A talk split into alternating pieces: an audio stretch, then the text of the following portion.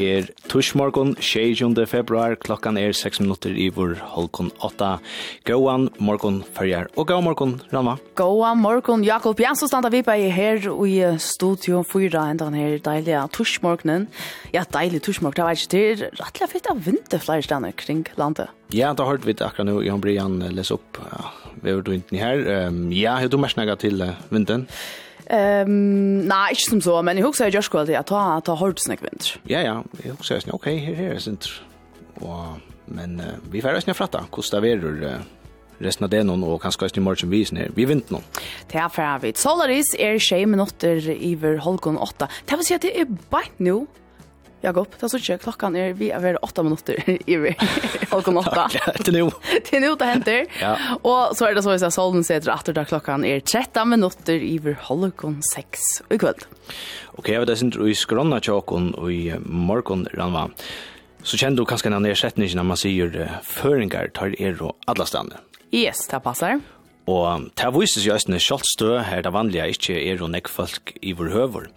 Så i løtene så er Vestmenningren Harald Bjørkvin, han er i Antarktis. Og etter klokken åtta så færer vi da vita om vi ikke får samband vi Harald, og så færer vi da spyrja hva han gjør i Antarktis. Ja, hatt spennende. Mm -hmm. Jeg har gjort. Her fyrir stål løgtenslimeren Jørgen Niklasen og Tingsens røra patle og i en heima bundnar skipstrøtje. Jørgen leie mynd ut av sin Facebook-venka av Heson, men det viste seg at det var det som høyde ho at det hevast et at han var i heima bundnar trøtje og ikke kyrst og slipse og jakka. Mm -hmm. Kladna krave, dresscode, og rattar sier rekler i løkten rundt her er oss grunne om vei halvgående nudget har vi två vidtjan av Jørgen Niklasen og Bjørst Samuelsen. Og hver tankar først du tatt og huksar om tunna tog i folka skolan om. Du er stendt over i morgen til er et nytt høyrespill som snur seg om en mann som huksar atter av sunna tog og i folka skolan om. Og en tui som er mest av happing og salarlion snotton. Og som avhører til dette høyrespillet så sitter to i en flokshøle i Høyvika og høyrer søvna ur smatalæren.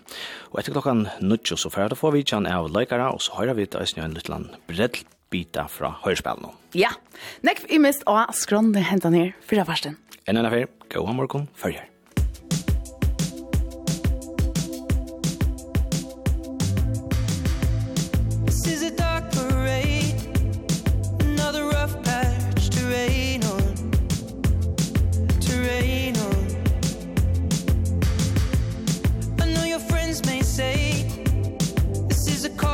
celebration. Hip hip hooray.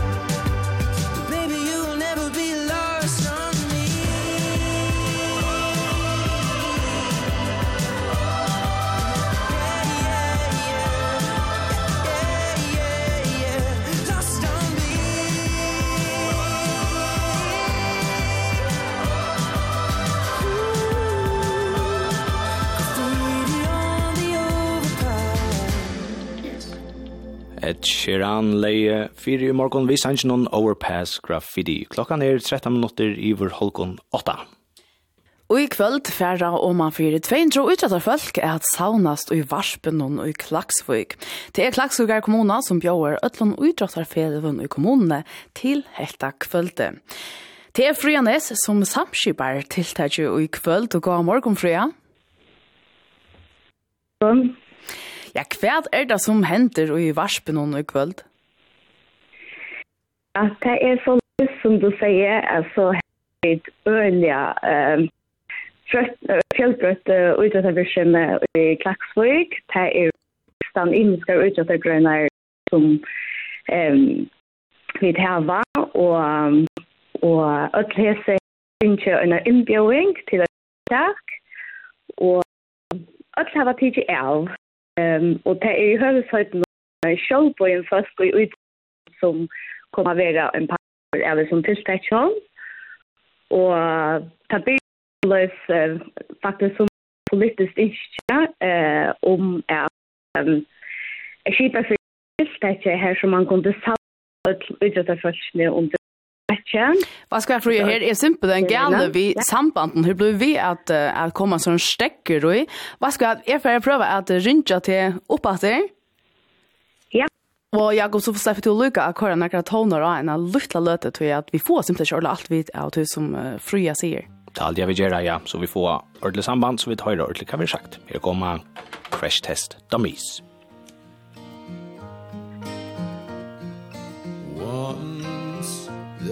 This kid who got into an accident and couldn't come to school. But when he finally came back, his hair had turned from black into bright white.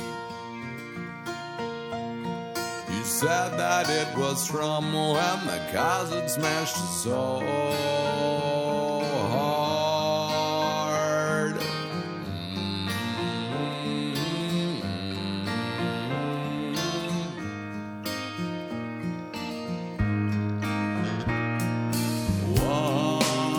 there was this girl who wouldn't go and change with the girls Ja, så fedar vi bara crash test. Dummies är snerat ute nu vi vid uh, ordentligt samband vi uh, Frujo attor Anna.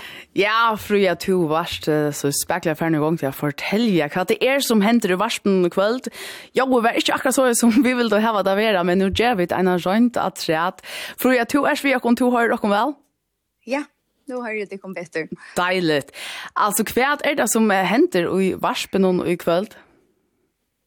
Ja, alltså det glädje är som det här är att uh, att i Klaxvik så vill jag ha vunnen uh, nekv FM-höjder. Och till två år så har vi det här varit marskera kanske vi när mottök och, och kanske en tjeje och allt gott om det Men vi börjar att tåsa om hur vi på en eller annan mat och ösna kom till vi känna till som kanske inte vinna ett FN-höjde, men som gör minst ett lika störst arbete. Og heita Venstre er sort et politisk innskje, så vi tog jo omsidningene, så har vi arbeidt, og sinte vi er vi. Og nå tar varspe så er kommet, så har vi finnet gode muligheter til at huset lykken til dere. Og vi hugsa jo kanskje at ikkje var nøyot endelig å blåsa det så er høyt uh, størst opp, til ikke var egentlig bare at sauna folk i boi noen som kanskje hava støtt og lit hava ekstremt nek til felags, nemlig at det er at lukka som at alt være er utrøpt noen. Og i her som førre er det så talan om et uh, utrattertiltak, og jeg nevnte i Johanne at det er faktisk 16 imiskar utrattergrøyner i Klaksvøk, og Og hese hava så öll finnje innbjøring til tiltakje, og ta vise seg at öll hava tidsi av, og at lottakartallet er kommet opp på 200. Og det sier ikke løyte tog at det her er faktisk i høvesøyt noen kjølbøyen først og i utrådten noen. Men for jeg vet er det så som, som er å skrånne ta i sier 200 først for at det vil ha sammen i varsmånene kveld? Ja. Ja, det verur en latt skrå, vi nokre røvun og tonløyche og vi fer fokus slatt avbyt, og så får vi øysne ein gestarøra og så heva vi så snu ta sørste halva året medan vi det var hva skal man si, snakka om ett tilltäcke så har vi også vært ute och filma i center av vennjengen, tjafelegon och også just tver samrøver som är upptecknar vi, vi två idrottarfälle och där kommer vi så ösnen att, att vi i kvöld. Ja, men det er jo også til for å få et godt kvöld og i varspen og i kvöld. Fru Janes, takk for at du var sjøkken og i morgen og ja, godt kvöld i kvöld. Jo, takk for det.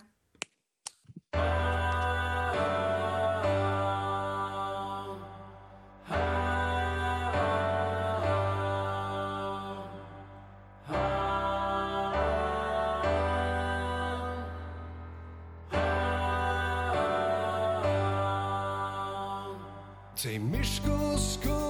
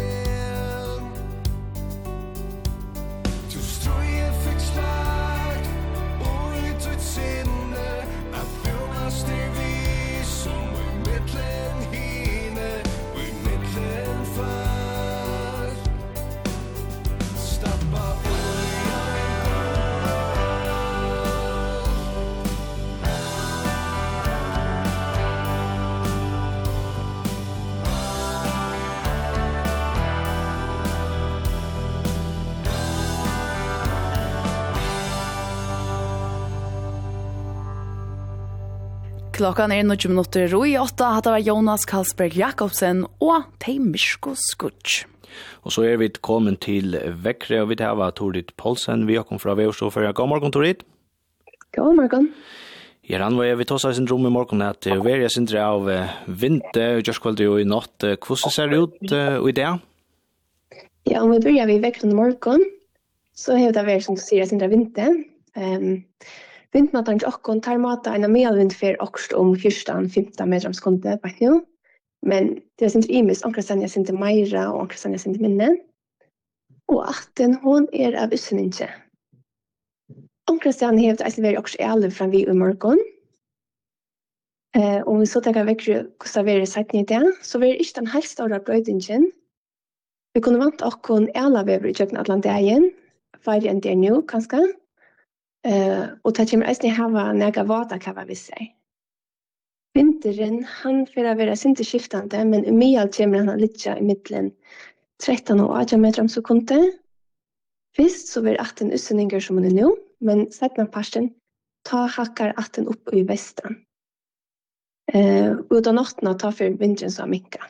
Så da vil jeg glunta hentan vindferien i kjøkken dagen, Hiten i det, og i natt han kommer a litja mittlen 2 og 6 sti.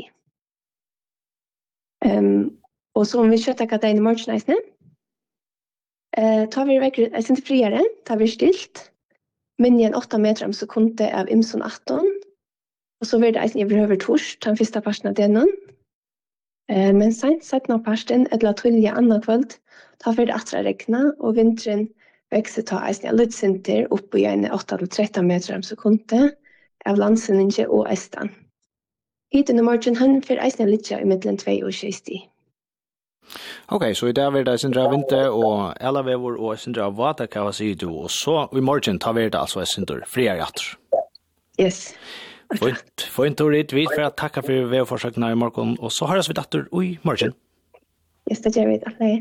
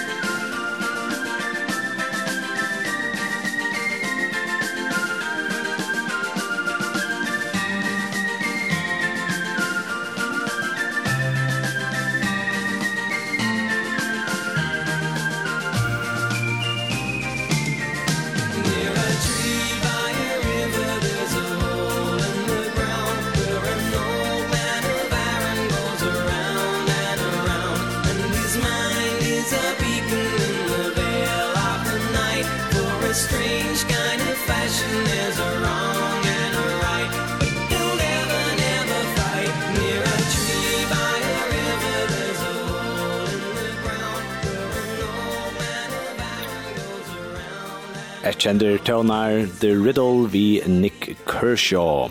Klokkan er om å være 30 minutter og i åtta. Så klokkan åtta kom twintene, men etter det halta vi fram vi morgonsendingene. Ja, vi fer med til at rinja til Antarktis. Her er en vestmenninger stator her, Halte Bjørgvin, og vi fer at uh, spyrja hva han kjer her. Og i tøyman med til 8 minutter fer vi et eisne at høyre om kladnakravet i uh, løktingene.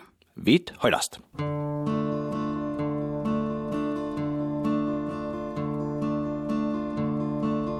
I towers back. With pirates and cats in my Somerville The girl in the alphabet shirt Covered in dirt lives on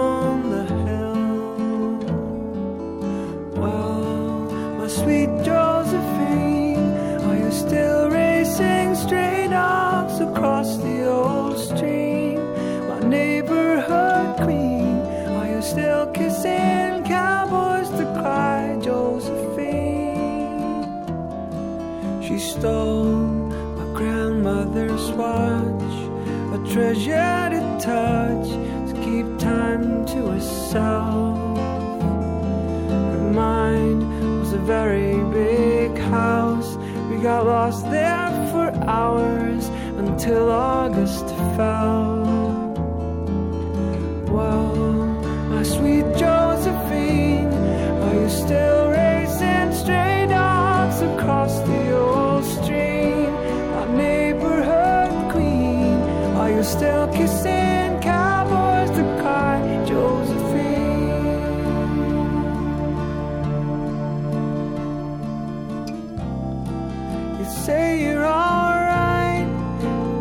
see it's time. You gotta get your feet on the ground. But she says no, but you see we have wings. It's the funniest thing. It's just that no one knows. No one knows.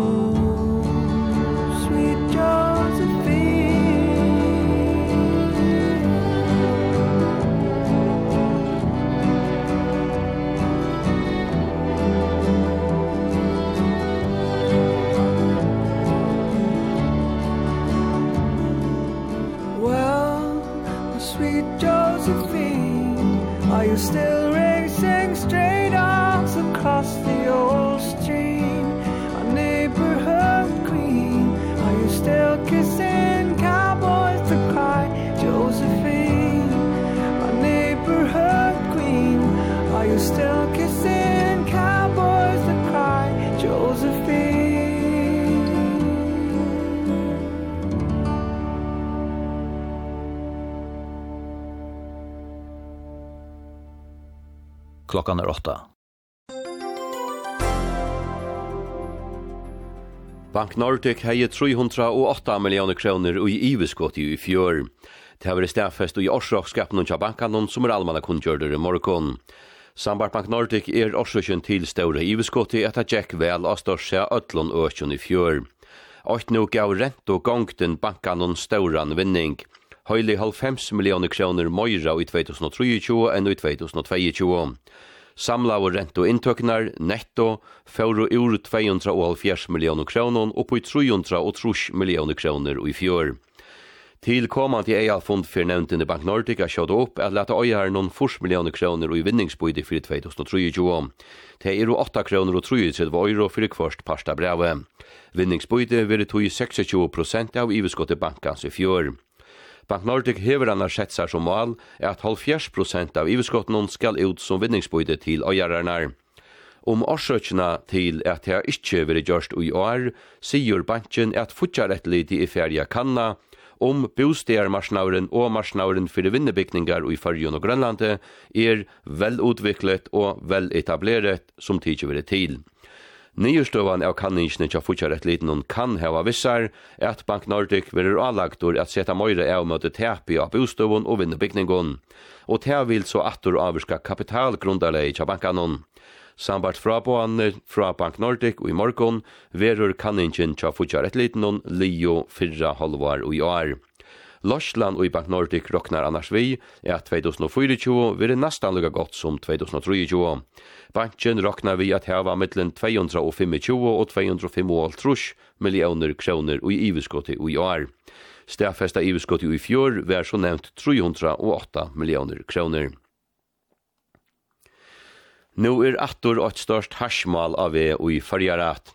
Og en 2,5 åra gammel kvinna og 25 åra gamle sonerennere er og akkart fri a smukla 24 kilo av harsje til farga.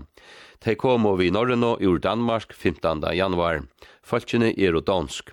Harsje var i nøkron rumon og i personbilen de kom vi. Sambart akar og ritenon høyt ut hei avtalo vi avkjentar samgjørningsmenn i fyrjon og utanlands vi torri atlan at leta øron hasje. Male vil vi kjørt ui rattenon høstegen. Skoivløykar tja granskåra virkjon ui 2022 er jo ikkje bæra til åre, men attorvendan til år om år. Til a sier granskåra et liti ui årsfragrønsjene fyrir 2022 og 2023. Granskåra etterlite nevner middel anna at starsfolk av granskåra virkjon heva ikkje finnje nøy gaua frálærom. Og et anna er at granskåra virkje hever ikkje gjort nøktande skrivligar vågametingar, politikker, mannagongter etla etterlit skibaner, sambart lovene om kvitvask. Etterlite sier òsni at granskåren hever ikkje gømt sjalpregv om at han hever veri og etterlite og i våre gømslene tja granskåa og fyrtøkne. Granskor et lid i avgjørt i 2022 er at gaske et lid verur attur tja tvoimund granskor av virkjon, her til skal stafestast om tilmeldene i samband vi undafarna et lite er og komen ui rattlea. Og i øyne fyrir hever granskor et lid gjørst av at et verur enda utan ånder tiltøk. Granskor ettlidi heldet hau at gøsko ettlidingar, gøsko etterlids fragrøynganar fyrir 2022 ikkje djeva granskåra et litt noen årsøk til at letja neka mal fire granskåra nevntena. Avgjer er ikkje tidsin enn om et litne ui 2023. Knapplega hundra høyringarsvær komo og lauar oppskott i om a kipa færa vinna. Utan rujtjes og vindemalerai vil ikkje leta innlit, tog lauka og mal djeva ikkje rett til innlit og il fyrirsidingsna og er en teier løgt fram og løgtingsnån. Lauar uppskottet kjemur atlandi og løgtingi søgnast og framlau inn i hese tingsetene som er 8. mars. Antje felags høyringsvær kom fra kommunefelanon til tea våre sjøvnarmini og imisk. Ein kommuna, Sunda kommuna, hever leti ikkje fargen tvei høyringarsvær. Åtta byraslimer er og eusamder vi hina trutjar om hver hever aperd av feravinnene. Landet må attaka sær til avbjørngar som feravinnan hever vissar og eisne løysatar, sier Eistein Zakariasen, vera borgarstjåre er og karmaner til steier og penger fylgja vi, så Øyesunda kommuna klara litt oppgavna, sier Jekvan Kruse, borgarstjøre. Baie parstar er og til samdrom, at at lauaroppskottet verisera kostnavar mykje fire sunda kommunum. Og a bretta noen klokkan 24 parsten vitsjera vid lauaroppskottet om a kipa feravinna, nu høyringar frosten er fjæren og høyringar sværene leten landstorismannen Det kan komme på at hele senda vesturlensk herrfolk til Ukraina at krutsjast mot det russiske herdalgnon. Det sier franske forsetten Emmanuel Macron sambartøyndastående Reuters.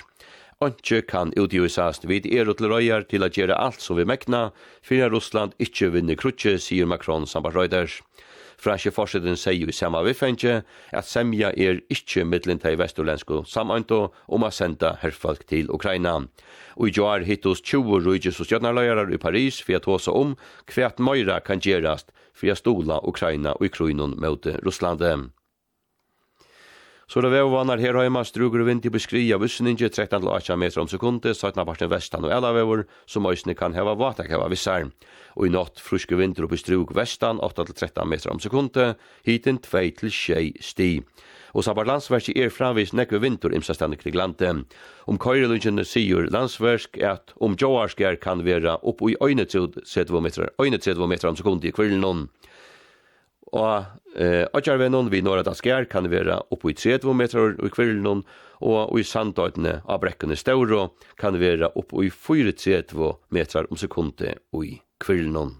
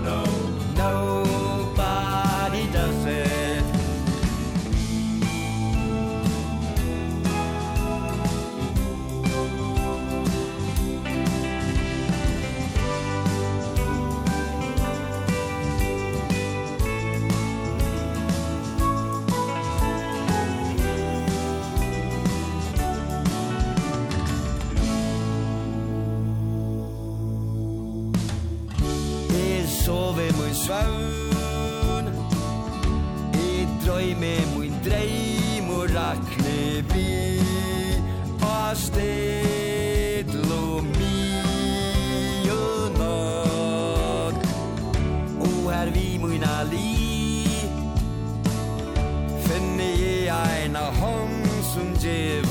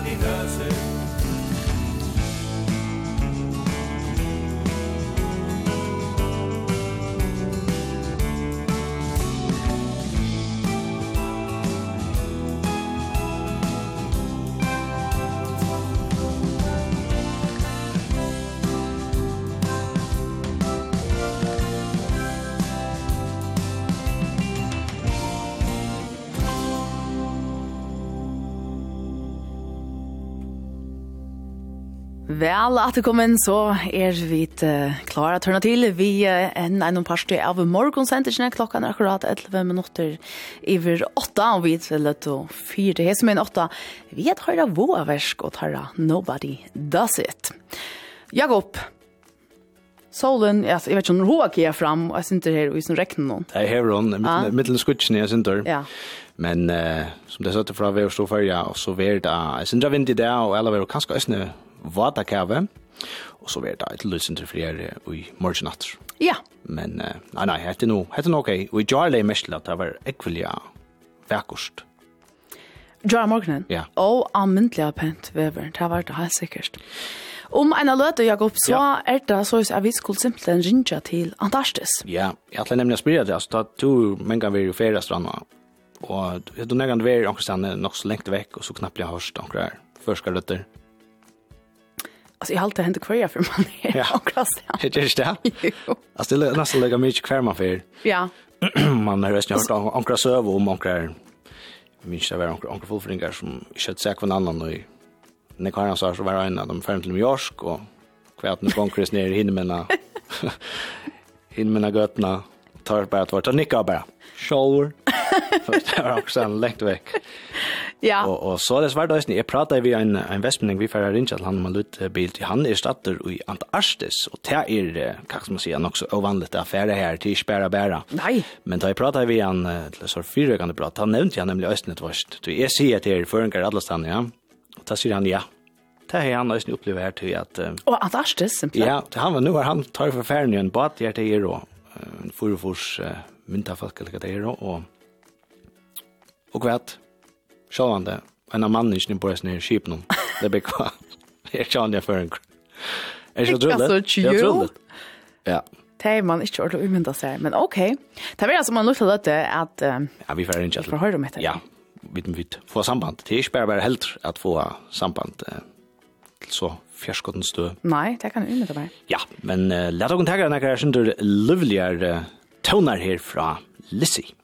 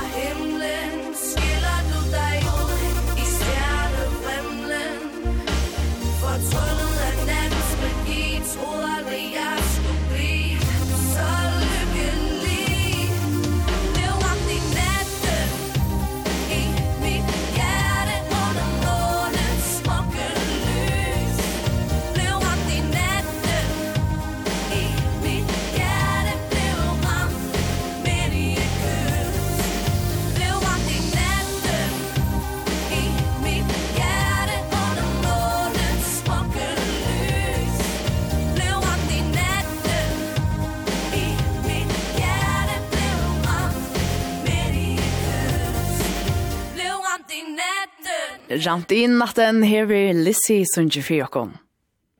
Føringar er og alla stedene vil ofta sagt. Øysten stø her til vanliga ikkje er og sånne folk. Og i løtene er vestmenningren Herald Bjørkvin og i Antarktis. Vi får røyna få samband vi Herald, men uh, nå er det synder avvist hvordan samband er, men vi, vi får gjøre røyna røynt, og vi skulle haft uh, Herald uh, vi okon. God morgen, Herald. God morgen, Jakob. Først og fremst, uh, Hva kjørst du i Antarktis? Jeg er ferdig med en, en, en myndatur sammen vi 44 øren glæven amatøren og, og 8 professionelle vinterfalkene. Så det er et, et workshop nere i Antarktis. Og hva vil ta si? Hva, hva gjør man av en slikere workshop? Det er vintertøkka, og så har vi en opplæring i att täcka mynter och landskapsmynter kan ska sälja och uh, ösne uh, får vi ett personliga Uh, alltså vi är ju ombord en båt en skip här och så täcka mynter som det är igen och så så är man åter bara av båten. det vill säga att vi täcka mynter ur sån gummibåt. om du färdar på land om du cyklar bara fram vi och ta täcka ut det så eller mycket mynter så får vi ett Um, kritik på mynten här och och och man vill låta som guide av sin tur jag kan så myndene kommer bli en bättre Så, så det, det är faktiskt det. Det er mynter alla tiden och man pratar bara om mynter, och om hur så flott det är och och så. Hvordan kom enda ferien uh, annars i lea? Jeg kan jo mynda meg etter nega som, som krever nekva fyrrøyking. Ja, yeah, altså. Hvis man, hvis man byrjar fra, fra, fra byrjan, och för möjligen kör man halten så så ber jag allt vi att ta i vi som som man säger kommer sen till björnen men minnast eh så här upp till Kjømmer sendingarna som David Attenborough körde för i någon annan sjöarna. Och där blev bestörd Kjømmer färjan så han i bussen.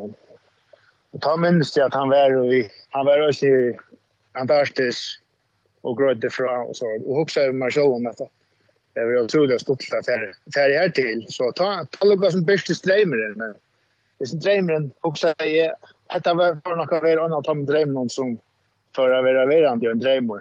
Men, men nu tar vi ta vi eh så han är bliven som hon är bliven vi vi att man snäver mynda tök och kör med så så har vi så har vi faktiskt rönt att att, att mig vid tanken om att göra en driven till till Värlöga. Och nu tar jag tar jag jag har fyllt vi och någon en, en mentorman som har varit i Färjön flera tränare och han är en av de höst höst goda landskapsmenta folkarna. Han heter Nigel Danson. Han hon har i fyllt av Instagram och och något snackat som på Youtube och sånt. Och här för två månader sedan var han antagligen sån liknande turer. Och ta eh begynte han att, att annonsera att han har för att göra en tur i Sveriges Furs till att se att ta om tre år. Och i högsta man så ja, i Gerdaberg tog ut. Jag meldte mig till och så må jag röjna samla, samla samman. Jag tror också dyr tur. Och det är faktiskt det som jag har gjort. Så jag är på och och Og nå er det, det er helt utrolig, helt utrolig. Jeg kan så sette noen år av hvordan det er av er her. Hva, hva, hva opplever ditt? Det er helt utrolig vekkert. Det er så vekkert at det kan nesten ikke beskrives av, av åren enn en yrkjærnen som klarer har sett alt, sette året på en helt særlig måte. Det, det, det er så særlig. Og nå opplever vi det sommer, sommertøyene her nede. Och det är en ekonomisk där han så skrattar den andra som har i sommar tog in i en så han kan bara och sig hur så jag det är de väsarna vid vid här var oss nu till här här är fast i båda skipen om det är flera att man är är och löjfröingar och och havfrängar eller kvartals löjfrängar och kvartals det här och det är flera att man har det har det i hissen här som det er øyla väl inne i natur och och och allt det som här har och och och det är som, som, som är og, som, som, som, som tykker dere noe som är batene. och så fortäljer det jag om alt med med igjen, och och da vi så kommer innenfor att at det er kjøpet, så, det så får kanske kanskje noen fyrlester fra Høyman her til grejer fra om hva det er fantastisk hvis det klummen ble og er og er. Og kan spørsmål gå så ut litt nere da. Og hva vi er her og fortelle alt mulig. Og en dag tar vi en argentinare, Leo, han er en av dem som har haft flest rønter herfra. Han er vært granskare. Og han er vært fyra måneder agentjen og i Antarktis rundt han om halvveidene. Eh, og han er har bara så bäj västan till västan till Her, her har Argentina jo sånne støyer som tar komma till och samma vi Örum er, här i fyra månader Argentin vi antar med landa flera kamningar av pingvinon och kåpon och sånt. Och, och ta, han gröjer så fra kvart han, kvart han kjer og alt det her, og så var det så, så endet alt det vi om det er spurninga. Og, og ta spurda en om om man är kan det här vi utfyrer. Ringo väggfyrer och sånt. Ja, ta sier han att att ena for måste han måtte vara i test någon alltså i fotlång fotlar montering och i såbasan och i test någon och i touch touch dagar. Och man kan ikke färja ut du sørst inte fram om fram om nøsene närmast. Och och det är ganske minst som förskräp det. Så det är det är det ska vara kyrkan sälja stoffer för att det att i hur kunna kunna färra och så där och vara i fyra man. Och det att en en sån flera lojare som har upplevt det här center och gröj fra och och och det var det det bara typen och i och i och i tur turen bara som näck bättre ja. Ja, her ljó at lavera, her ljó at lavera nekv ahua vert fuck vittikon og, og tid uh, bulegast öllum borgasten her batnon, så sier at de til færa her turar vi, vi gummi batnon. Eh, Hvordan er og vever lydkjentene ta, ta de færa ut, og, og kanskje æsne hverje djøraslo hava dit uh, seg av æsne turen nå? Ja, er, så vi, vi, vi kan finne at vi skulle være og i at og buksom. Och så möter man så här sådana här, på regnbågsbötarna. Och vi det är öliga var lojlaten. Vi får, vi får jackar från, vi tar en jacka vi får en jacka från, från Själlanne, som kippar fyra. Och vi får stulvar från Töjman Ösne som, som passar till och inne, så han det. Eh, och det är en tog att man, man, man, man vill inte man får sig att att pollon och och och och andra kan komma och Antarktis. Alltså. Eh, vi det har att lämna tasker och och så som kanske är Kerala så så och här är en Kerala så här. Kan vi se att det cover ofta fyllt upp vid alla möjliga. Och hvis man vill servera tur i hela, så kan det ska vara lite gräs och såna är en Kerala så. Man ska ska ska väck, ska rönsas armarna. Armarna släpper den som man tror i fastlandet för att det är alltså som väl efter att inte inte nytt inte inte så mycket öra vara det Fast ska släcka komma och släcka inte av av turisten som som som faktiskt är en växa växa det är så Det är fler fler fler för som inte kommer ända vid Så så där det sitter gå bakom och så sitter man kanten och och så cyklar där in och tar passa sjön på att att att allt mer inte inte komma in i debatten. Og ja, jag kan nog mene, altså det snackar vet du, nu fikk en, en kväll kom upp. Det var en, en, en kul bok där som är er samarbeidet med. Det er man det går det er stort til det. Hva er gjør oss til å ha ditt annars skje her, Och jag tror att det som sier landet jag pingvinerna, så är ölen med pingviner. Det är besläktad flera suckar. Jag ligger faktiskt något med långvin. Jag liksom känner att, att uh, morgon för här är långvin, det är Sverige på pingviner. Det är sådana. Så det är nog så snällt att han utses. Men uh, vi suckar föreslår pingviner. Uh, och vi suckar föreslår pingviner. Och man är följa de en tar tar inte ofta snackar så här utsätt då som som vi cyklar runt nu och och ta så stäcker man upp och tar alla som man ser allt men då tar ni igång det är lite klick då. Och så så jag vet inte in kan fåglar och så så cyklar vi detta flotta landskap. Det det så jag faktiskt också live från kvällastövning. Det var ju överlig bestämmelse det med man får en buss. Jag kan inte säga att jag slutar sen. Det är det få kvar Her med det enda noen her alt sam sambandet tjokken er synes så hipp som haps, men eh, jeg kan spørre her med det enda noen. Hva du finner ikke nekvar flotta mynter, og, og hva er du lærst da i sin tur nå? Ja, ja, jeg har finnet skola flotta mynter. Jeg falt jo fri an, så jeg er til å gjøre 15 000 mynter. Det är inte helt där. Jag måste inte vara att jag går in i mitten. Jag är inte Men men jag är bara också att jag bara kan ta mig inte precis med som att men annars har han nu är det är flickvolution där och är så mycket så mycket vanligt att flåfärgen länti inte där som en annan skulle ta för heima til väg. Där krävs det en en en en skutchen inte lagt 200 meter. Och hade det är den bästa dagen ut om man kommer om timmen dagen. Så jag vill släcka flickvandring för natten för det där. Vi har varit där just av efter vi skulle faktiskt cykla hemma. Och vi säger att vi flickvandrar fram. Så antagligen att det är på arena, i Chile så kommer vi att eh, cykla först om Greg Passage. Ja, men uh, här allt uh, Björkvin är väl inte att Örek och det bara är för att uh, tacka för uh, samröna i morgon och så för inte där goa hemfärd att du kommer här till. Tack så mycket. Tack så mycket och tack för pratet. I live in a town by the ocean It's greener than most places I know Nothing for miles in the open. I've been Watching the waves from my window Wondering where they go.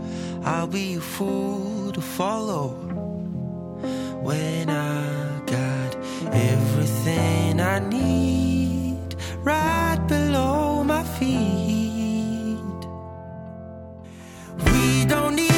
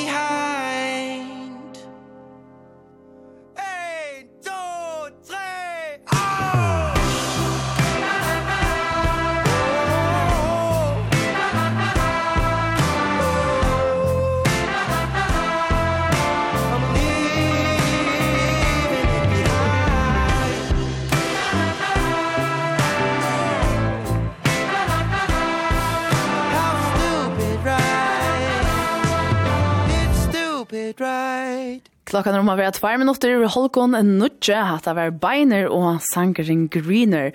Og er det, så prater vi vi Harald Bjørkvind, som er statter av Antarktis, her han i ferien, og Ja, jeg ser under færs av vanlig Sky her, man sitter ganske inne i en hotell i en heiland, ja. Nei, han er ferien av Sky i myndatøke i Antarktis. Ja, lengt vekk, kan man si, ja. Og, ja, og Harald har vært sendt meg nekker mynter fra turen ekvelia ekvelia flottar, må jeg sige, og mm. jeg halte jeg fyrir leidja der ut, saman vi hos nere i Island, og at når sendisjene så kan, så kunne lorterne fyrir inn og sutja hissa myndene Og hvis man ikke klarer å bo hjem, så kan man nesten fyrir inn og Instagram-vengan tja, tja Harald, han hever en Instagram-vengan som heter Bjørkvin Harald, og så er han nesten ja Facebook, Harald Bjørkvin Photography, og så har han eisen en heimasøy, så her kunne dit eisen fer inn og suttje nekker mindre. Han hever langt og lagt flere mindre ut fra, fra turen. Helt, helt fantastiska mindre. Øyla stått litt at sutja. Ja, og her, her kommer det ordentlig til rett, man kan si at en, en mynd sier mer enn tusen år. Han har eisen ringt at sette året faktisk hvordan størbarst og, og vekkost her er, så ja, det er fantastisk man kan suttje det tjekk noen uh, lyssna tja, tja honom. Helt sikkert. Om en av dette, Jakob, så får vi at dere får gester her i uh, studio. Da skal vi snikva se om uh, kladna krave, mm -hmm. dresscode. Løkte ikke noe. Løkte ikke noe. Ja, det er ikke bare bare. Det er ikke bare bare, nei. Nei. Men Arda, så får vi nekket håndar.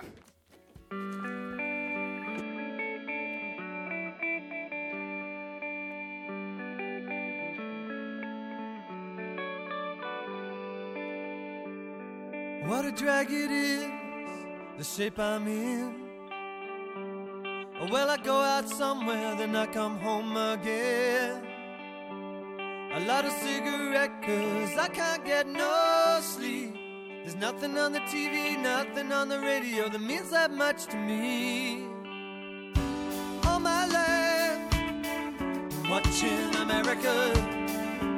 All my life There's panic in America. in America. Oh, oh, oh, oh. Yesterday was easy Happiness came and went. I got the movie script But I don't know what it meant. I light a cigarette Cause I can't get no sleep. There's nothing on the TV Nothing on the radio That means that much to me. There's nothing on the TV, nothing on the radio that I can believe in. All my life watching America. All my life there's panic in America. Oh, oh, oh, oh There's trouble in America. Oh, oh, oh, oh There's panic in America.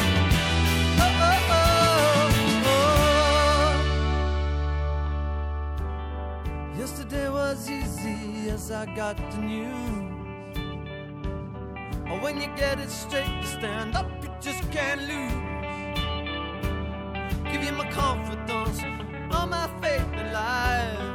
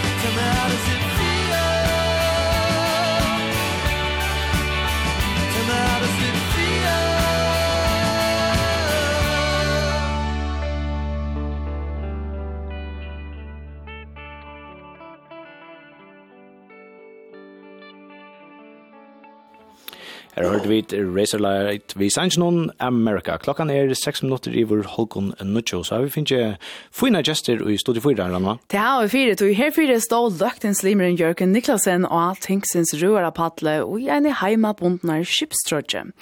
Jørgen leie mynd ut og altså en Facebook-venka av Heson, men det var ikke se at det var de som hørte ho at her var stert at han var i heimabundnar trødje og ikke kjørst og slipse og jakka. Kladdna krave og rattar sia regler, altså etiketta og i løktingsjonen, til det som vi skulle prata om nu. God morgen og velkommen Jørgen Niklasen, løktingslimer og Bjørn Samuelsen, løktingsforskvinne. God morgon, takk for det. God morgen. Jørgen, ta ut to først til arbeids- og i løktingsjonen. Hvordan jeg hoksa du ta om klæene som du har stå i? Ehm, jeg vil gjerne ha at, at det er, er sømelig og at det er pent, og ska man säga alltså i löktingen uh, ska det bröna att säga kvar i rönja lägga men så är det inte en galla galladövre men det är heller inte diskotek. Så ska det rönja finna kläder så är det lukka som här i mittlen alltså fer man till en konsert eller fer man ja, men så er man hampelig og sømelig og øyklader til nøkkelunde herjer. Men herfyrir så varst du så færin og gjerne heimannbundna trotje til å leie mynd og da hesen og at vi Facebook-venka. Og så kom vi imiske reaksjoner om just det her til å stå av tingsens rørapatle og i hese trotjene. Hva skriver av folk, Jørgen? Nei, de aller fleste var positiv.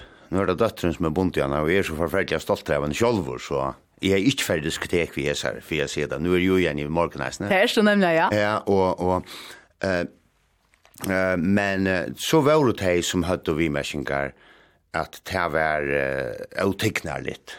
Jeg ferdig en av kipstrådtjå og på tingsins røra på alt. Uh, jeg hørte fra omkring arbeidsplass at her er vi stor diskusjon om hetta nu var i ordan eller ikke. Uh, og men men de aller fleste var som sagt positiv Og, og det er spurningren, altså, til nå er vi så lunge. Altså, ta jeg byrja i politikk.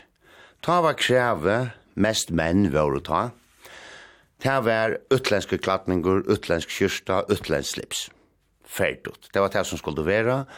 Uh, uh, men, men det hever lukket som flotse. Uh, og uh, a flyta seg fra sin utländska klatningen og ivet til eina førestbunden av trotjo vi føresko minstri, og særlig hesar vi føresko liten, og bæg myrka morret og ljósa morret. Det hadde jeg er minst lukka teknar litt.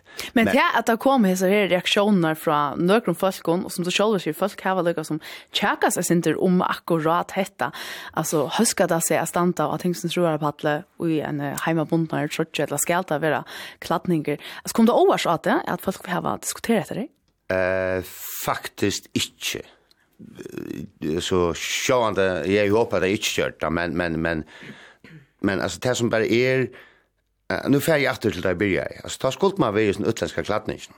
Men, ta var rettelig en nekv ting som ikkje var uføres konklavon til skrugongna.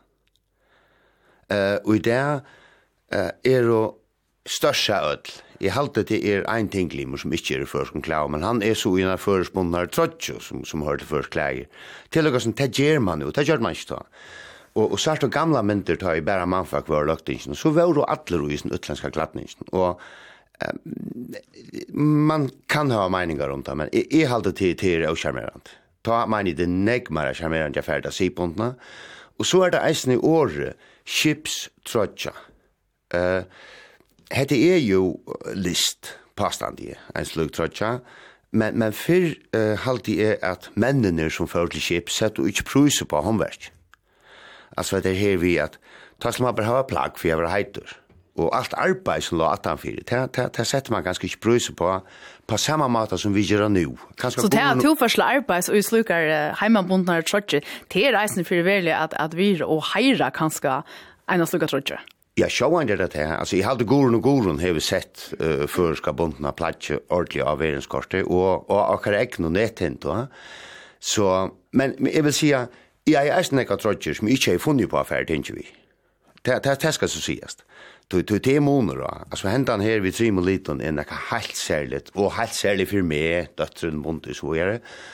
Men är är halte det är för jag vet att han rätt som kritiserar mig att att man ska lugga som vita kvær er marsje, og her er jeg bare åsamt over det som kritiserer meg. Jeg har alltid en trøtja i leie, jeg har alltid ikke en alva blues i leie, etla nye ringa blues, uh, altså sömligt. Alltså det är tillägga som här ger det. Det är kvartje en galla dövre, men det är sannlig helst diskotek. Björn, så får jag spela till er. Hur är det vi klattna kräver och i löktingen? Kvärt är man att vi är ute man är här till arbets? Ja, nu er det så at vi her var bara ene regle nye skriva, ja, og det er lukket som i regelgjøren om fire tingfolk, her det uh, vi er malt til at man er tikknallig i laten, eller man er sømelig uilat i mån til tatikken som arbeid i løgtingen krever. Og til og nægge vi at man er folkevalter, man ombår folk, man kommer her og skal lukka som... Uh, ja, gjør lover for landet, man har et arbeid som er uh, utrolig at hytninger mye, um, og Og det skal eisne suttjast at det er at man har viring for som starver noen. Men så er det, det er ikke rettelig individuelt hva det folk halda er, er eh, sømelig av hur ui kvart. Jo, ui aller högsta grad, og er, eller samtidig, det er ikke alltid at Jørgen tås her i flere minutter og sier nesten det er det samme, for jeg vil det ha sagt. Men, kan jo. men vi har vi har hatt av kjærtje oppi av venta av og av, Og det er veldig ofte ser bondene trøtjene som kommer og, og jeg er lykkes om, og her halte jeg at uh, altså, det er, fer man atter til okkara røter, det kan godt hende at i helt gamle døvun, at ta menn møtte og tynkje, ta var bare menn, at her ta kom og, og i omkron slæ, at det høyde omkron kap og yvisar et eller annet. Altså, det her kom ikke vesaklatter og ting ta helter i myndige mer. Eh, men onkurs vegna halte jeg tog en flytelse, kvært er flott og tyknar litt ut det. Jørgen Niklasen um, Gorn og Gorun, og til så øyla nek var ære fyrtøkker det, så jeg vil ikke hava en um, 2020 i med sånne toppmoderne i trotje brands i følgen i det. Og nu kunne jeg nevnt der atler, men, men det er vel ikke en annan det, men altså det er bare å vise at jeg, jeg kunne nevnt um, kvinner, kvinnen bona, eller det som kvinner møter oppe i, Tja mannen er det kanskje lett å huske hjerte og slips, og slips fer leit etter slips noen tid, så ikke en person okkar gamle søv, ja. Eh, men kvinner, der kommer ofte gjerne penere bonner trøtje, og, og eller blues, som kallar vi det ganske mer, ja. Og jeg kom nevnt en av, jeg vet ikke, Susanne Berstelsen, som møter ofte oppe i flott og trøtje, som er bonnet til flere. Um, og Jørgen nevnte en av en av tinkmannen til så Henrik Old, han gonger alltid i åpner bonnet trøtjen, men til pena trøtjen. Og vi er kanskje ikke helt samt i løkningen om uh, hver marsje gonger, du det vil være ekvile individuelt, men du møter ikke, altså jeg fer ikke på rørpadlen og i uh, joggingklæm, renneklæm. Hvordan er det vært om, om en løkningslimmer kom til arbeids og i en, hva kan si, en hettetrøtje? Altså, hva er det så helt utørselig hen. Ja, nei, det hender ofte til at de får få lyckas som helt spekler på om at det er och det hender eller själtan ska skulle man säga men det kommer för jag og man Lucas säger hva skal jeg akkurat hatt där altså hålla ærmene og, og at finner man på å att säga Thomas för hemma skifta gosse kan man gå finne på seg eisen tur helst tur ikke hvis, hvis du kommer opp av ting, så tror jeg på at en t-shirt her der stender en båskap bra, det, det slipper du simpelthen ikke, altså det er, det er no go. Så først du på om, du kan helst komme kjørs og bære med bibbon, og du vet, altså du, du skal alltid være tikknærlig i det. Ja, og Jørgen, det er du opplever at det finnes en avtale om det som du er stå i. Ja, og eisen går ikke opp først med. Til, til min unge år, og nå, nå er det i tredje år. siden. Fortell til søvnene. Ja. ja, altså, jeg vil si at det ene ferien, eh, ta hever mamma på under meg, tror jeg. Og nå er vi altså tredje år at jeg tog inn, eller mer. Mm. Og jeg blir om året til jeg må alle vittjere her, jeg skal være fremsomme. Tenk for meg en bil med komme opp, og sier vi med to, eh, to slipper ikke å røre på i tredje Og enda var vi forhandla av at hvis jeg er for urtrødgjene, så vil jeg gjøre undantak at jeg slapp opp av røra paddelen og berare kjørstu, kvidare kjørstu, og ikke mer. Og det gjør det så, og tilfeldigvis vera klipp i sjønvarpen av hessar talene. Og så kom jeg funnet vår fakkatlagsfell at han og ta fikk jeg lisi på at man får opp av røra paddelen og berare kjørstu. Det gjør det man altså ikkje men men så lås vart att ta. Och så där ene färna alltså som som som uh, unglinge som är vart ta så sett man ju upp att dra i stolen och knöjen eller lukka som Marla men ju upp i borgen och ta minns jag kan sonstein kom till mig så där sitter man inte i laktingen det var sirja för att det var benen i golvet och inte sitta vid knöven upp ja alltså så så är bla lugga som alla munner över annars med finns ju höjdöl och tar blev lugga som rattar i pitchfingern och och Uh, men som sagt, altså, ta blei vi nokta av det, vi Og Bjørn Samuelsen, nu er jeg nok så glad for jeg vil ha henne kvinne, og at hun sier ikke om og trøttjene annen at hun var ben. Men Bjørn, nu nevner Jørgen, nu nevner Jørgen etter her, han sier at vi knøv noen som oppe i aboren, og så, så det ble å avtale. Eh, Rattar sier regler, altså etiketter og i løktingsselen, hva, hva sier han etiketten? Hvor skal man være? Ja. Ja, men hon säger nog snäck, men hon säger mitt landa att du du förstår ju bara fött uppa ting som rör på att heltor, du ska sitta hamplet, du ska inte larma för ett land, du ska inte stå så för näck vid sällan och orek va. Akkurat han passion är inte. Här går här gånger själv. Här här här har alltid svarta blå stand på sin beta. Men annars har alltid tänkt vad som helt uppför sig jag vill teckna lite. Hej är du pent och illa den, det är några få andan hög. Eh men men så är det att man eisen uppför sig hampligt. Man vill ju och det händer jauna när man får avtal om man malber sig och fantaligt. Eh man ska läsa malber sig vid viring och och, och alltså efter hur man kvar år man brukar och inte minst hur man tar sig vi onnor och man ska helst inte ta sig för nek om onnor eh, som inte kunde och släcka hvis det inte kunde säga fisk. Så det är, här är det några såna regler och de flesta sida synter av merchen och tja, um, tja tingfölse. Mm Men nu så... tänk folk att få att det som heter här konventionen att vad det blir att liksom. Men nu tänk folk och det är det så där så det så slot fast jag nog att det släppa i slä skola. Där första veckan att det är ju tension här det får jag en gång där utlån. Och somt av oss ner är ni skriva så det kunde söka det ni att kunde söka det ni hemma så inte. Tja kring nei, tja kring. Tja lagt tension. Men annars, jag finns att annars slag just det, och det är ju faktiskt akkurat det Jörgen Niklas när upplever ute av Facebook, alltså att, att folk tar öliga kjolt. Och jag minns, jag har köpt mig en så öliga, en så öliga smarstans från en kjola med en stor hon, kiris för kria i, i Urslandet. Rätt av inte helt det var ordentligt avantgarde smart. Och det är helt av Facebook, nej. Så det är en kött av folk hvis man är för ontalig i eller ett eller annat att, att, att, att, att du hör det från folk. Mm. Jeg kan nesten minnes akkurat, og i nødgjør tror jeg at anker løktes limer i ferien av tingsins rørpaddel, og i t-shirt, og kanskje vi en båskap jo av at t-shirten lømmes feminist, eller Hva er noe som sanker for opp for en båskap? Hva var det? Løysing, eller Hvordan er det her? Er det her løyft? Nei, det er faktisk ikke løft. Altså, det er... Løsing er vi, ja? Ja, det kan godt for det ikke det selv. Nei, akkurat. Nei, det er, nei, nei, sånne båtskaper er ikke det å nok fatt fatømme om det, og ta har man finnes på om antla dekka blåsene til, eller eller færre og skifta. Men annars er det løy vi har vi ser små, vi har jo så små brøsjene her, pins kallar det det ofta är stanna och det är här vi tar en av lökten och så här var folk sommar är där. Det går tacka vi det är så mycket diskret och lite att det du har en liten boskap här. Det nu har jag flera kommit döms haft det är ukrainska och förska flatche och sån sån små ting uppe i clown och det det är faktiskt löft. Hur ser det så väl visst av är Israel eller Palestina man har också skämt så lite. Ja, men det är onkel som gång vi en liten Israel flatche och det är det går men men att det är inte en stor en stor mynt av framsynne av jackan eller blåsen eller och du måste vara uppe i en flagga du måste helst stanna upp och ta en plakat fram eller till till till slöft och det är helst slöft så avskåren i salen att sitta och demonstrera vi ja vi plakaten och imsk skälton och så Jørgen tar to färsla arbeidsdamer der bättre at være och i en heimabundnare skipstrotje eller og i klatninje eh jeg vil si at uh, nå har vi vært i like og lunge, og, og av er i klatninge, det føles som en oppgave, altså hver i fer. Og kom i et hus altså, det første som henter til er slipse fer til hundans, altså, det, det er strev jeg vil i, men, men jeg vet at det ser godt ut.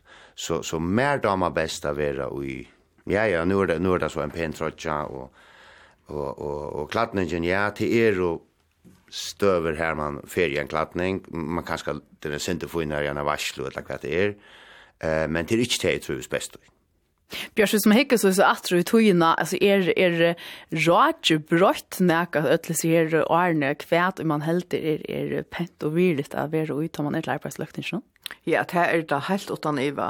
Um, jeg minnes godt selv først og jeg sa en formannskap nå sita og i en av sånne bosmastrøtje, eller kjøpstrøtje og ting strøy på alle.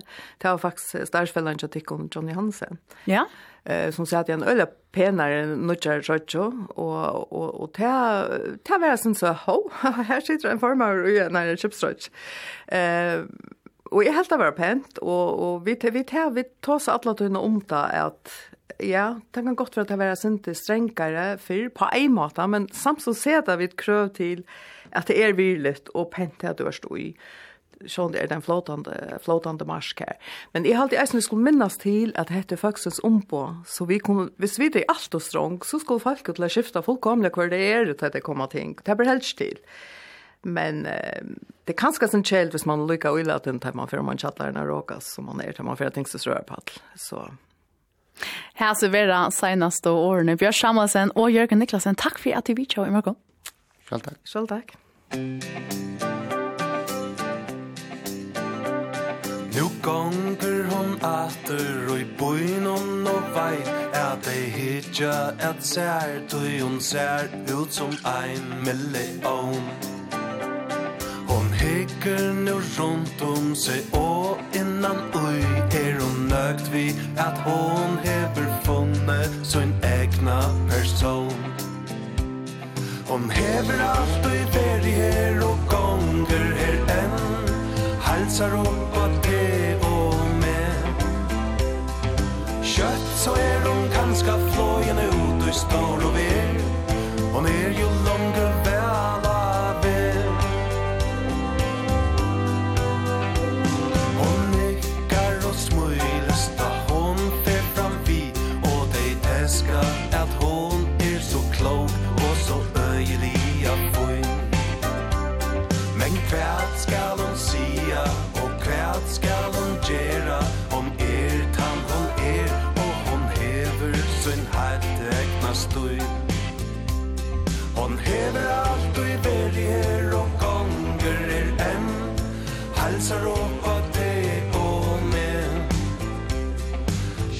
så er hon kanska fløyen ut og i stor og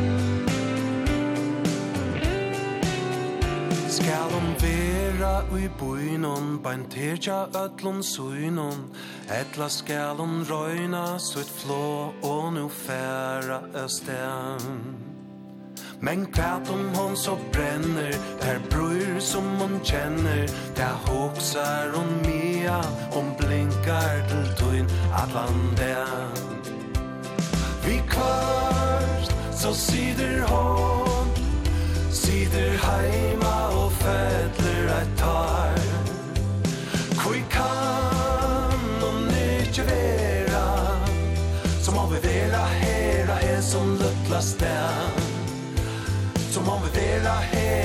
som luttlas den Där denna vera som om era er som stän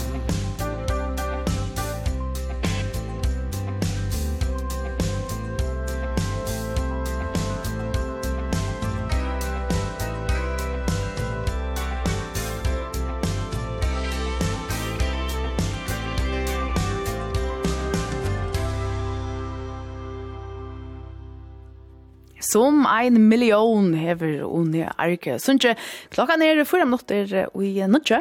Ja, tøyntene er narskast, og etter tøyntene klokka nutje, så får jeg da prate om et her, hessa tøyina, da man gikk i fakkaskolan.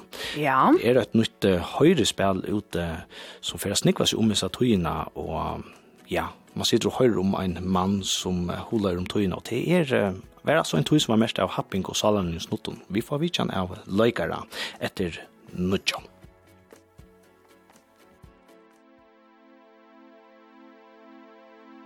Sometimes I feel I'm gonna break down and cry.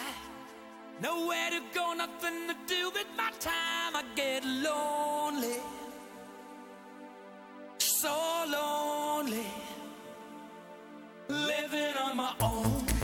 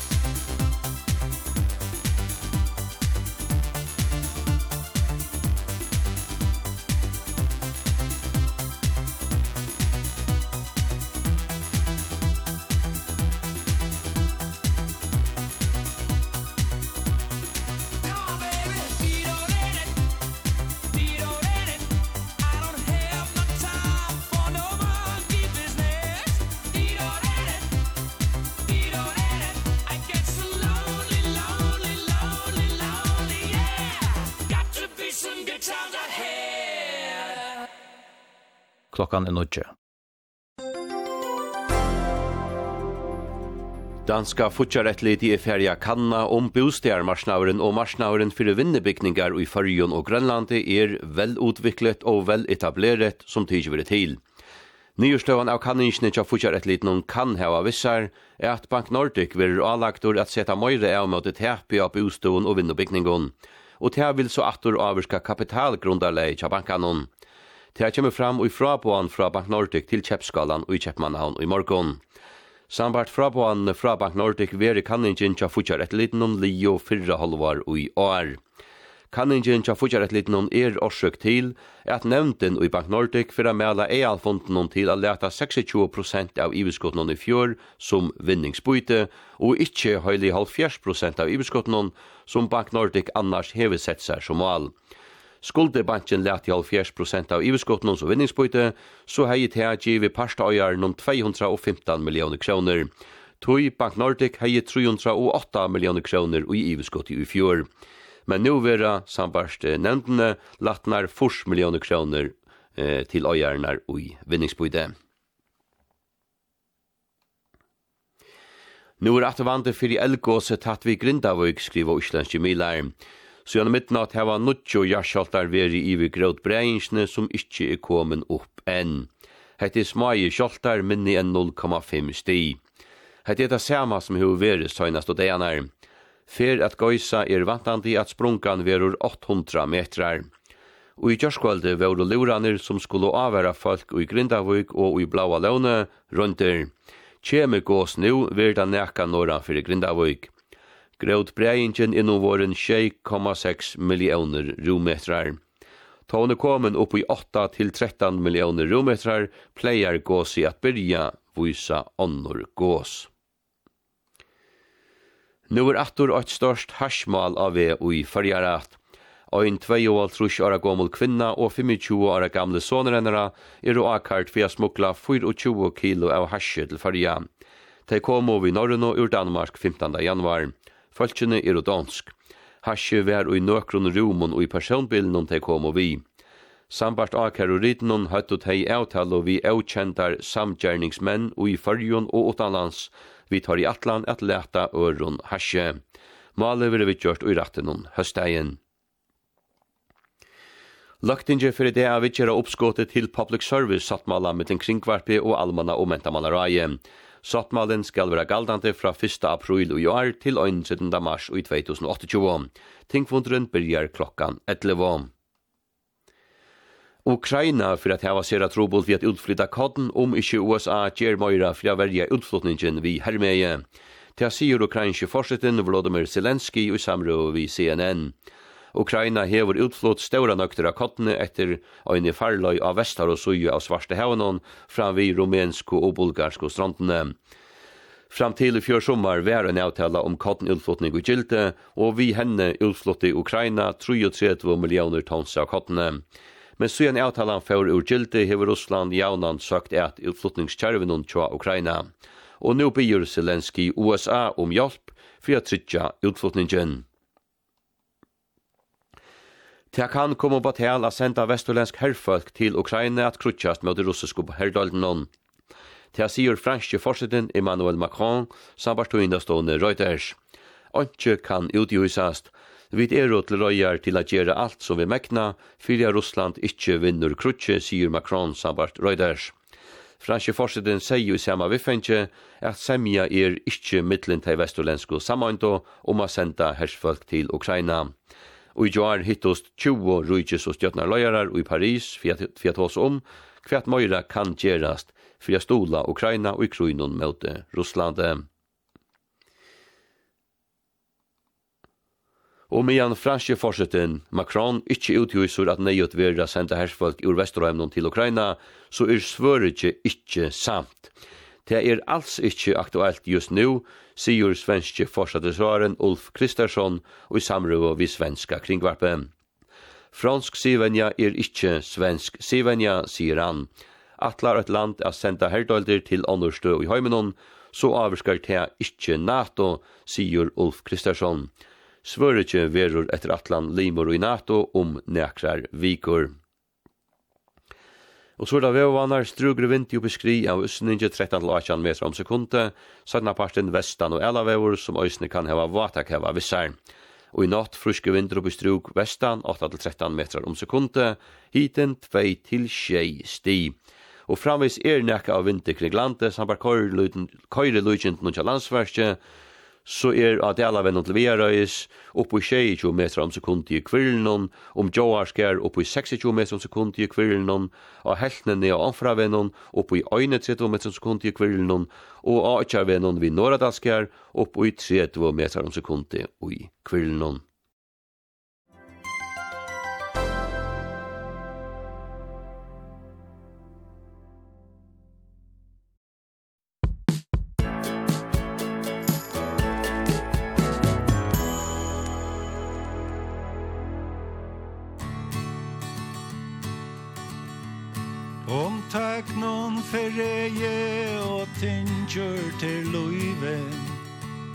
Kjenn etter kvart nøyver og brått opp ur nødjon. Kom lad og gå dansa, kom rett med tunna hånd. Kom knøyd og gå saman vi føvan med hånd Er alle tøystøvna som frost bidon kave Sett leien e leisa, kjenn hit anna varron. Kom lad og gol synkja, kom rett ned tøyna hånd. Kom frøyd og gol saman er vi om rødton. Om sar barst ut hjarta og treje i barmen. La trøstande hole ta kveitja tut sin. Kom lad og bon smoilast Kom rett med tunna hånd Kom knuid og bon saman Vi er vi om smoilån Om kroppor tunn ilskast Og merstor av stångslet Finn fram at ur frionen era jo sein Kom lad og kom synja Kom rett med tuna hand Kom knöjd och kom samman i evigen rötton Er lovs glejon vikna och kärleikjon harvon marken varanna stad och fänd tunna tråd Kom lät och kom dansa, kom rett med tunna hånd Kom knöjt och kom sänd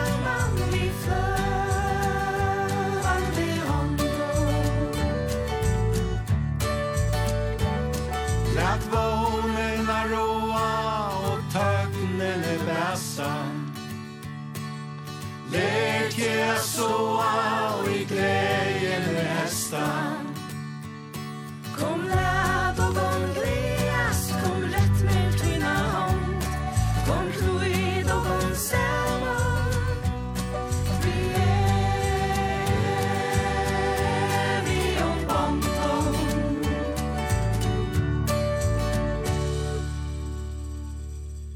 Så blev klokka 90 minutter i minutter. Her hørte vi Dutch og sanger som heter Kom let og kom dansa. Hva tankar fast ut at du huksar om tunna tui i fakkaskolan Tu Erstein, der dævor i morgen er et nytt høyrespill som snur seg om en mann som huksar atra sin tui i fakkaskolan Ein tui som er mest av happing og salarlion snutton. Som avhøyrare så sitter du i en flokshøle og i høyvigarskola og høyresøvna ur smatalaren. Og frasagnar røttene til øya Kristian Samuel Valle Segariasen, Ria Tørkar og Marianne Hansen. Ria Tørkar, god morgon. God morgon. Kan du greie okken, jeg synes det mer om et her, høyrespillet, hva, hva snur det seg om? Ja, nu har du sagt noe sånn jeg langt, det snur seg først og fremst om uh, hentan uh, unga mannen, som minnest atter å ha syna skolatøy, som du sier var mest av uh, ekvisligere happing. Og han stender nå som vaksen med over, vi syner sånne som skal byrja i første flott i skolan, og og sjølvante øttas fyre om sonren nu skal i jøkken ta sama som hessen her vær i jøkken sin skolatøy. Så evne som hessen hette høyrespillet vidtjer er jo happing. Hva er happing? Hva gjør det vi folk? Hvor oppstendet det? Og i en skolastov og i en skola til dømes. Og hvordan kunne vi fyrbyrkje at det lukt hendur. Det er i høvesøyten som er snir. Et høyrespel snur jo. Mm. Og det er jo et høyrespel, så vi sier ikke, vi, vi bare høyre det. Hvordan er det så gjørst uh, vi ødelig snir? tar for evnen. Ja, altså, høyrespel er det, men jeg halte til å synte mer enn et høyrespel, til at maten som det tidlig opp er særliggjør, um, og, og høyrerne kommer inn i øyne skolastovet. Her de sitter og gjør noe og hver ønstakur fær så Og på, og høyre så henta løgjen færa fram øyla tatt vi så tatt som det blivur tar man høyre og kjøkken småtalere og det ser merkt av hesson øysen er maten som det tidser opp uh, opptøkna gjør det vi vi hest øyna oktober. Og Uh, det var skipa så løs at vi var inne i en skolastov, ute i Esteskolan, og mikrofonene som skulle fenga atlanteksten og alt det vi søtt, var sett der inn i øyrene og en er høtte noen av en er sånn der man hengt okko. Og så løs uh, ville de få en, en oppleving av at til er en sjolvor som høyre, som er til stier i rumnen, ut i samme rumnen.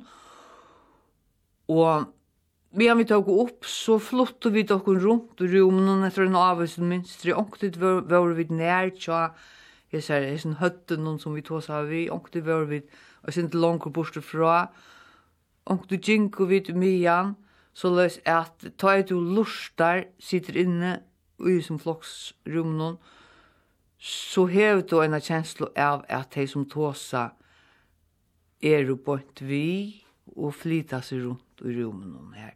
Så tann, akkurat som tann stemningeren er øyla særligur. Ja, jeg har en luttland uh, brettelbita her fra hørspallen. Jeg halte vi skulle bare lukka høyre sindur. Hvordan heter det ljóar? Ja. Det er lengt så gjerne. Jeg har vært i en sovorn og rume. Ångantur segði jeg vi meg sjålvan. Skal jeg aftur seta fót i eina skúlastovu? Tja tykkum, er det sikkert slatt.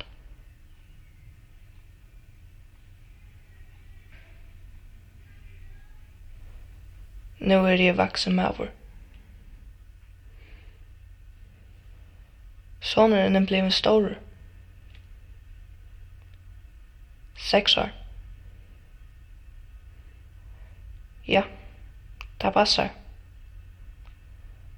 Jeg har finnet en sånn. Da hørte de ikke tro. Han blir jo kjørt i skola. De får ikke vite hva han heter. De får ikke hans navn. Vit er og varste konunar. Ta tid er og færen heim, koma vit at vaska. Vit koma trillande vi okkara ergonomisko varskevåknum. Vit vaska plettar av gulvenum. Vi torska støv av lappenum. Vit er og bakterio exorcistar. Vit røytsa alt som er råte, og leta skrellespannenar ui kvitar lattar spøkelsesposar. 443 kroner og 28 euro om tøyman. Vi hava liklar til allar stovenar. Ikkje skamma te. Ikkje voisa nøkrum. Te blau for mestjene. Ikke halda at det er bjergjeng som du sørst i egnu at det må vaksna. Jeg har hørt vidt en breddbit av reisen her. Hørspillen som eitur to erst en dævor i morgen, Ria, to erst en av vaskikonnen her, helt om jeg høyra. Ja. Og hva kan man si? sindur, sindur og hona litt kanska? Ja, det er jo nesten som en, en uh, gysare filmer, men i halte det er mye viktig at, at, at teke det opp og et sted her det ikke blir uh, naturalisme.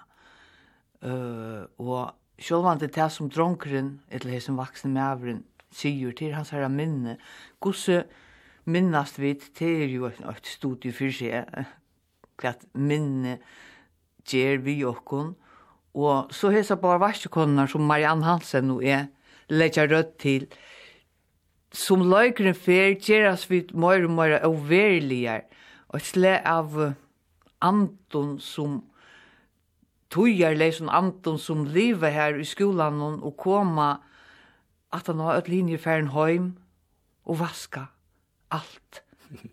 Det som er hent inni i sær skolastovn uti av gongen, vi vaska alt vekk. Vi ekkløya det som hentur, men vi blant okken ikkje.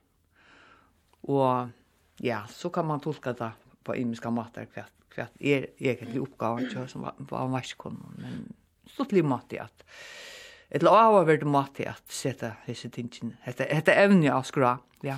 ja, hans meier hosgått jo har sett det opp og skriva løykrit. Han heter Jon Skolberg, og, og til særlig sier romen i halte som, som du nevner, man, man, han har arbeidt nek vi, altså flokshøle, som, som heter i gong 4, men så er det også en annen rom som han er nok så hotig av i skolan. Ja, heter en balkur som kallar seg Convoy Exceptionell, som uh, faktisk har gjort denne trilogi til tru imisk uh, versk, og ta, altså hoskåttet til honom er at uh, føra okkon attur i tui og i minnen til okkon, og i nokkur rom som vi öll kjenna, og som vi öll har et tidspunkt i okra løy vi har vært i okkon, Eh, det ena verset er, nu har vi ikke sett det, men det ena er en dansesynning som gong fyrir sin filmlagerhøll, en skola, vi öll minnast filmlagerhøllene, mm. vi minnast lukten, vi minnast kanska gauar opplevingar, eller vi minnast også ærer, som kanskje ikke var så gauar. Uh, et annet versk er et uh, tålaga versk, faktisk nok sånne kaursanker, så som skilte, som gong fyrir seg i en, en svimhile. Mm Og så er dette det trea som fyrir fram inne og gjør en skolastov. Så han fører okkom visen her, så inne noen attor, kanskje i badendommen, eller okkar ungdom, til de øyla kjento støyene som vi ødel hava okkara personlige minner om. Så det er avverst i seg selv. Jeg vet at jeg som tid løyker tåsa om igjen tid uh, spaltvet her inn, altså en denne tøyen, hvordan tid minst det er sånne tikkere tøy i fakkaskolen.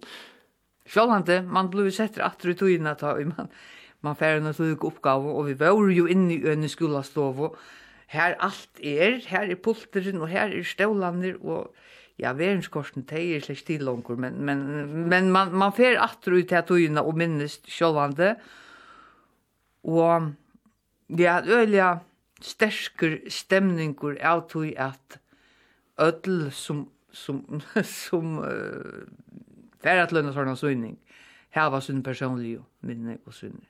Så man får kanske en själv sin egna flashback till man sitter och hör det där alltså. Absolut. Man kan ju säga att fucka skolan till till Sean det där här här vi skulle lära och männas men men lägger det kanske dig upp till att det till allt det där vi till social och spölne och sambanden och vinnarlön är det kanske det som är sin fitlen och sin lösning. Absolut. Alltså nu är snurresen här lökren se om happing och det som happing ger vi folk helt upp till vuxna livet och og årsøkene til happing, fer løykeren ikke så grult inn, og men jeg tror at han, han snur seg så øyelig bøgnløys om hendan øyna mannen som minnes at fra sina skola tog vi happing, så, så gjør det akkurat vi øyn at man får at hoksa uh, enda man, man teker enten av seg i nært seg etter her eller det jeg opplevde i gosser, vær er en happare, eller vær er en som hukte eit og ikkje breit inn om onkel blei happavur, eller vær er en som, gos kallar det da medløper, som vær vi bæra fyrir ikkje sjolv a bluva til offre, altså, öll hese tankarnir, halt jeg vid ödel opplevd og i tøyene tøy vid arbeidet vi at få hessar opptøkna gjør der. Og faktisk så har vi selv ikke hørt det endelige urslitet.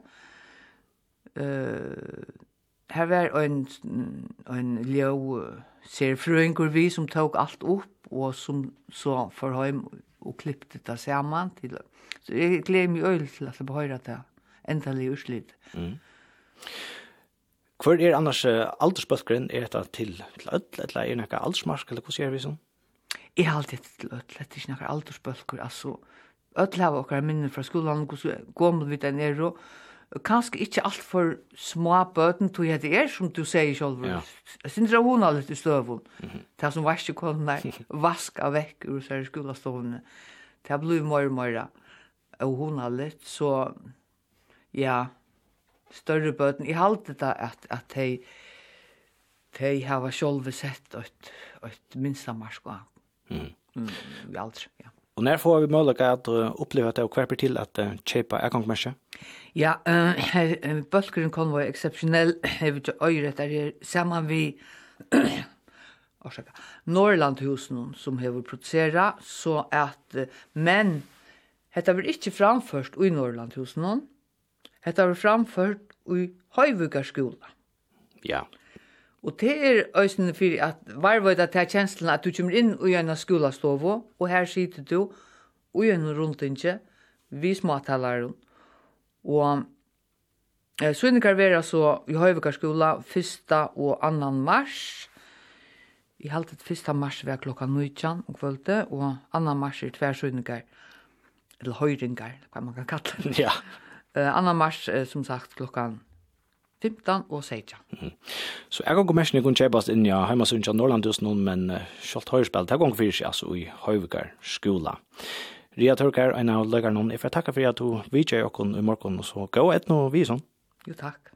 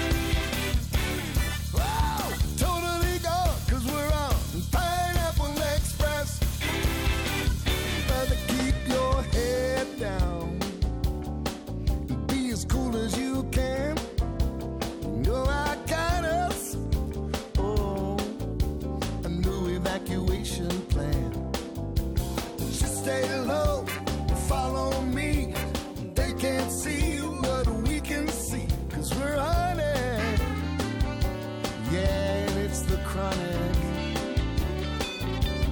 Don't get excited Just get your head right. We'll stick together if it takes all night But it's all right Yeah, it's all right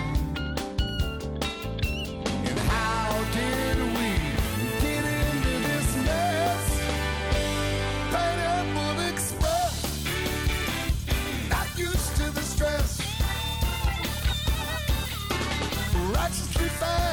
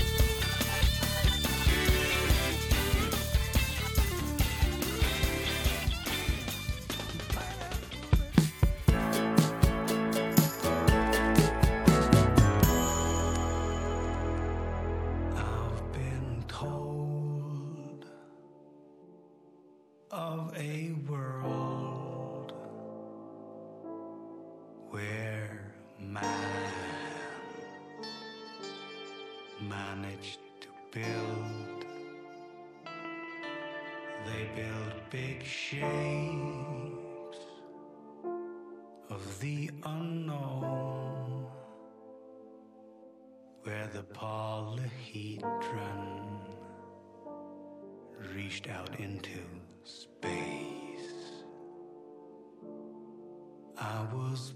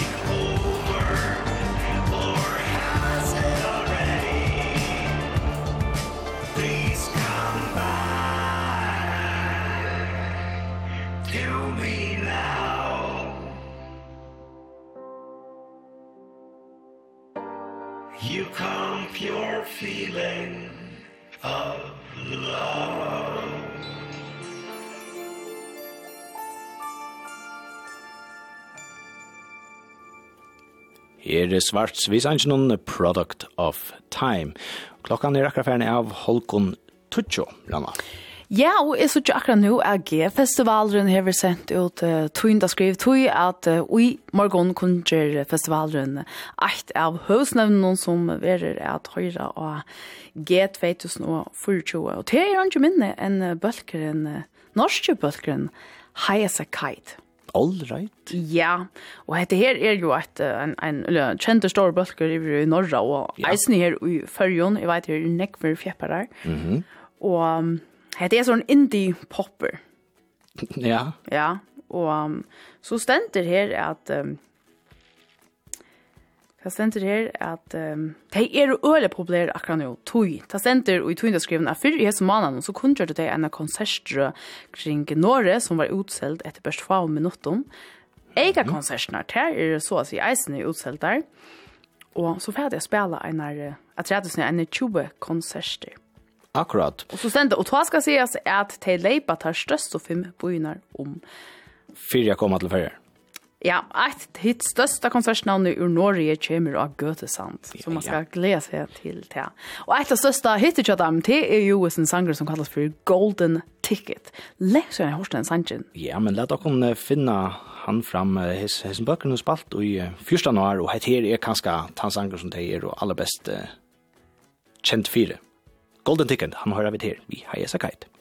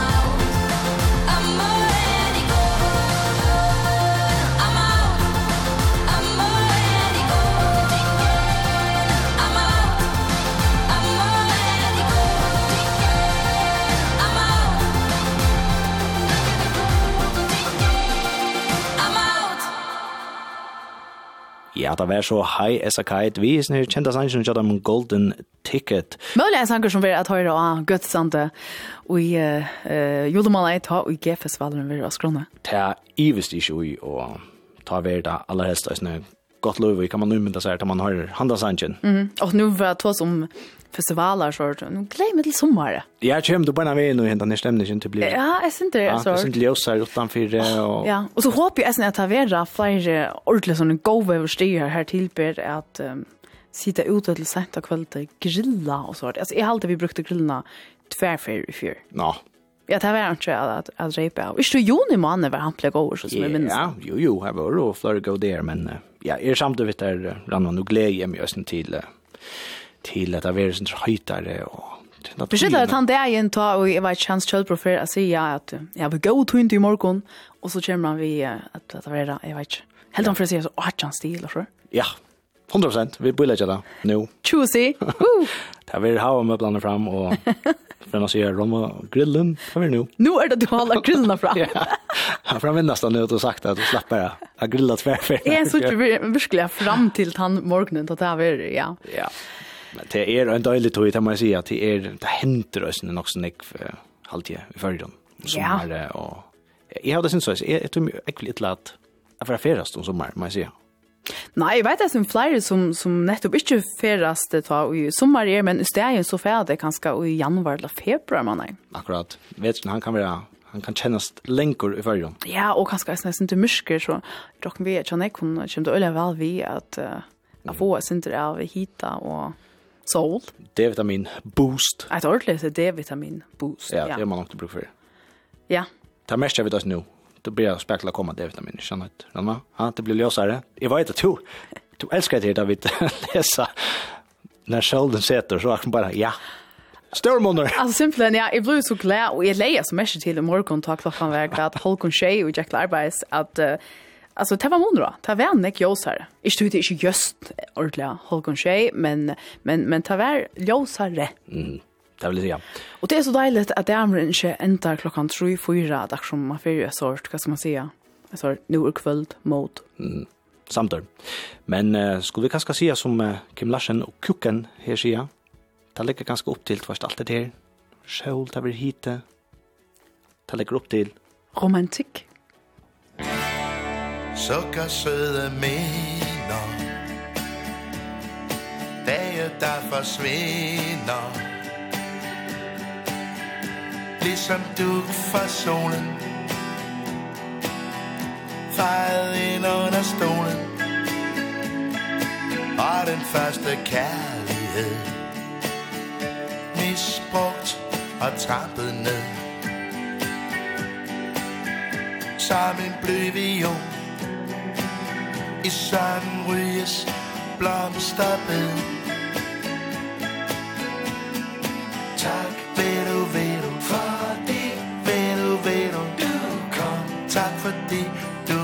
kom forbi Tak ved du, ved du, fordi Ved du, ved du, du gik Da det var forbi Husker du de dage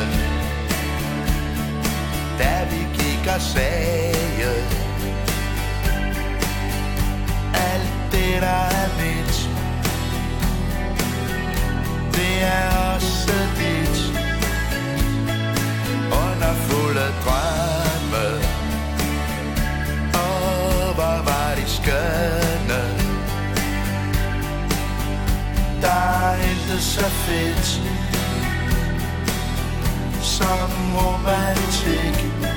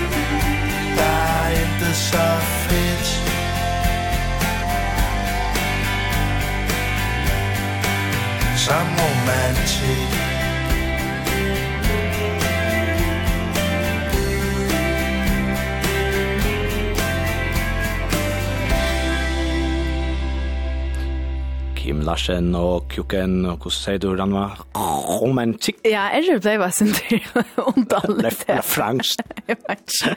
Ja, romantikk. Veldig godt. Rama, klokkan er så mye nekva vi for at uh, rundt det av i morgen. Ja, gjerne vidt videre etter i morgenarne, fem minutter i Holkon åtta vi nødger i morgensending. Og minne sier, vidt at det er ikke som til halte at andre folk kom til å finne glede av at Horstom, så er jeg sett at jeg i samband vi morgensendingene. Skriv til gmf.kvf.fo. Det er bare en tid å finne noen av Facebook, gå av morgen førjer. man kan nesten ringe eller kring varspe og biomorgsendur. Det kan man. Nekk for møvleikar, og ikke en underførsla for ikke å sette seg i samband vi okkom. Vi er sånn så får vi da innskje til kun Øtlund en gåan der, og vi tar rast atter i morgen. Walking past the yellow swings on Faro Avenue. With every step that I take reminds me of you. I thought we'd be together and last forever retracing his steps on a road. On my own on my own.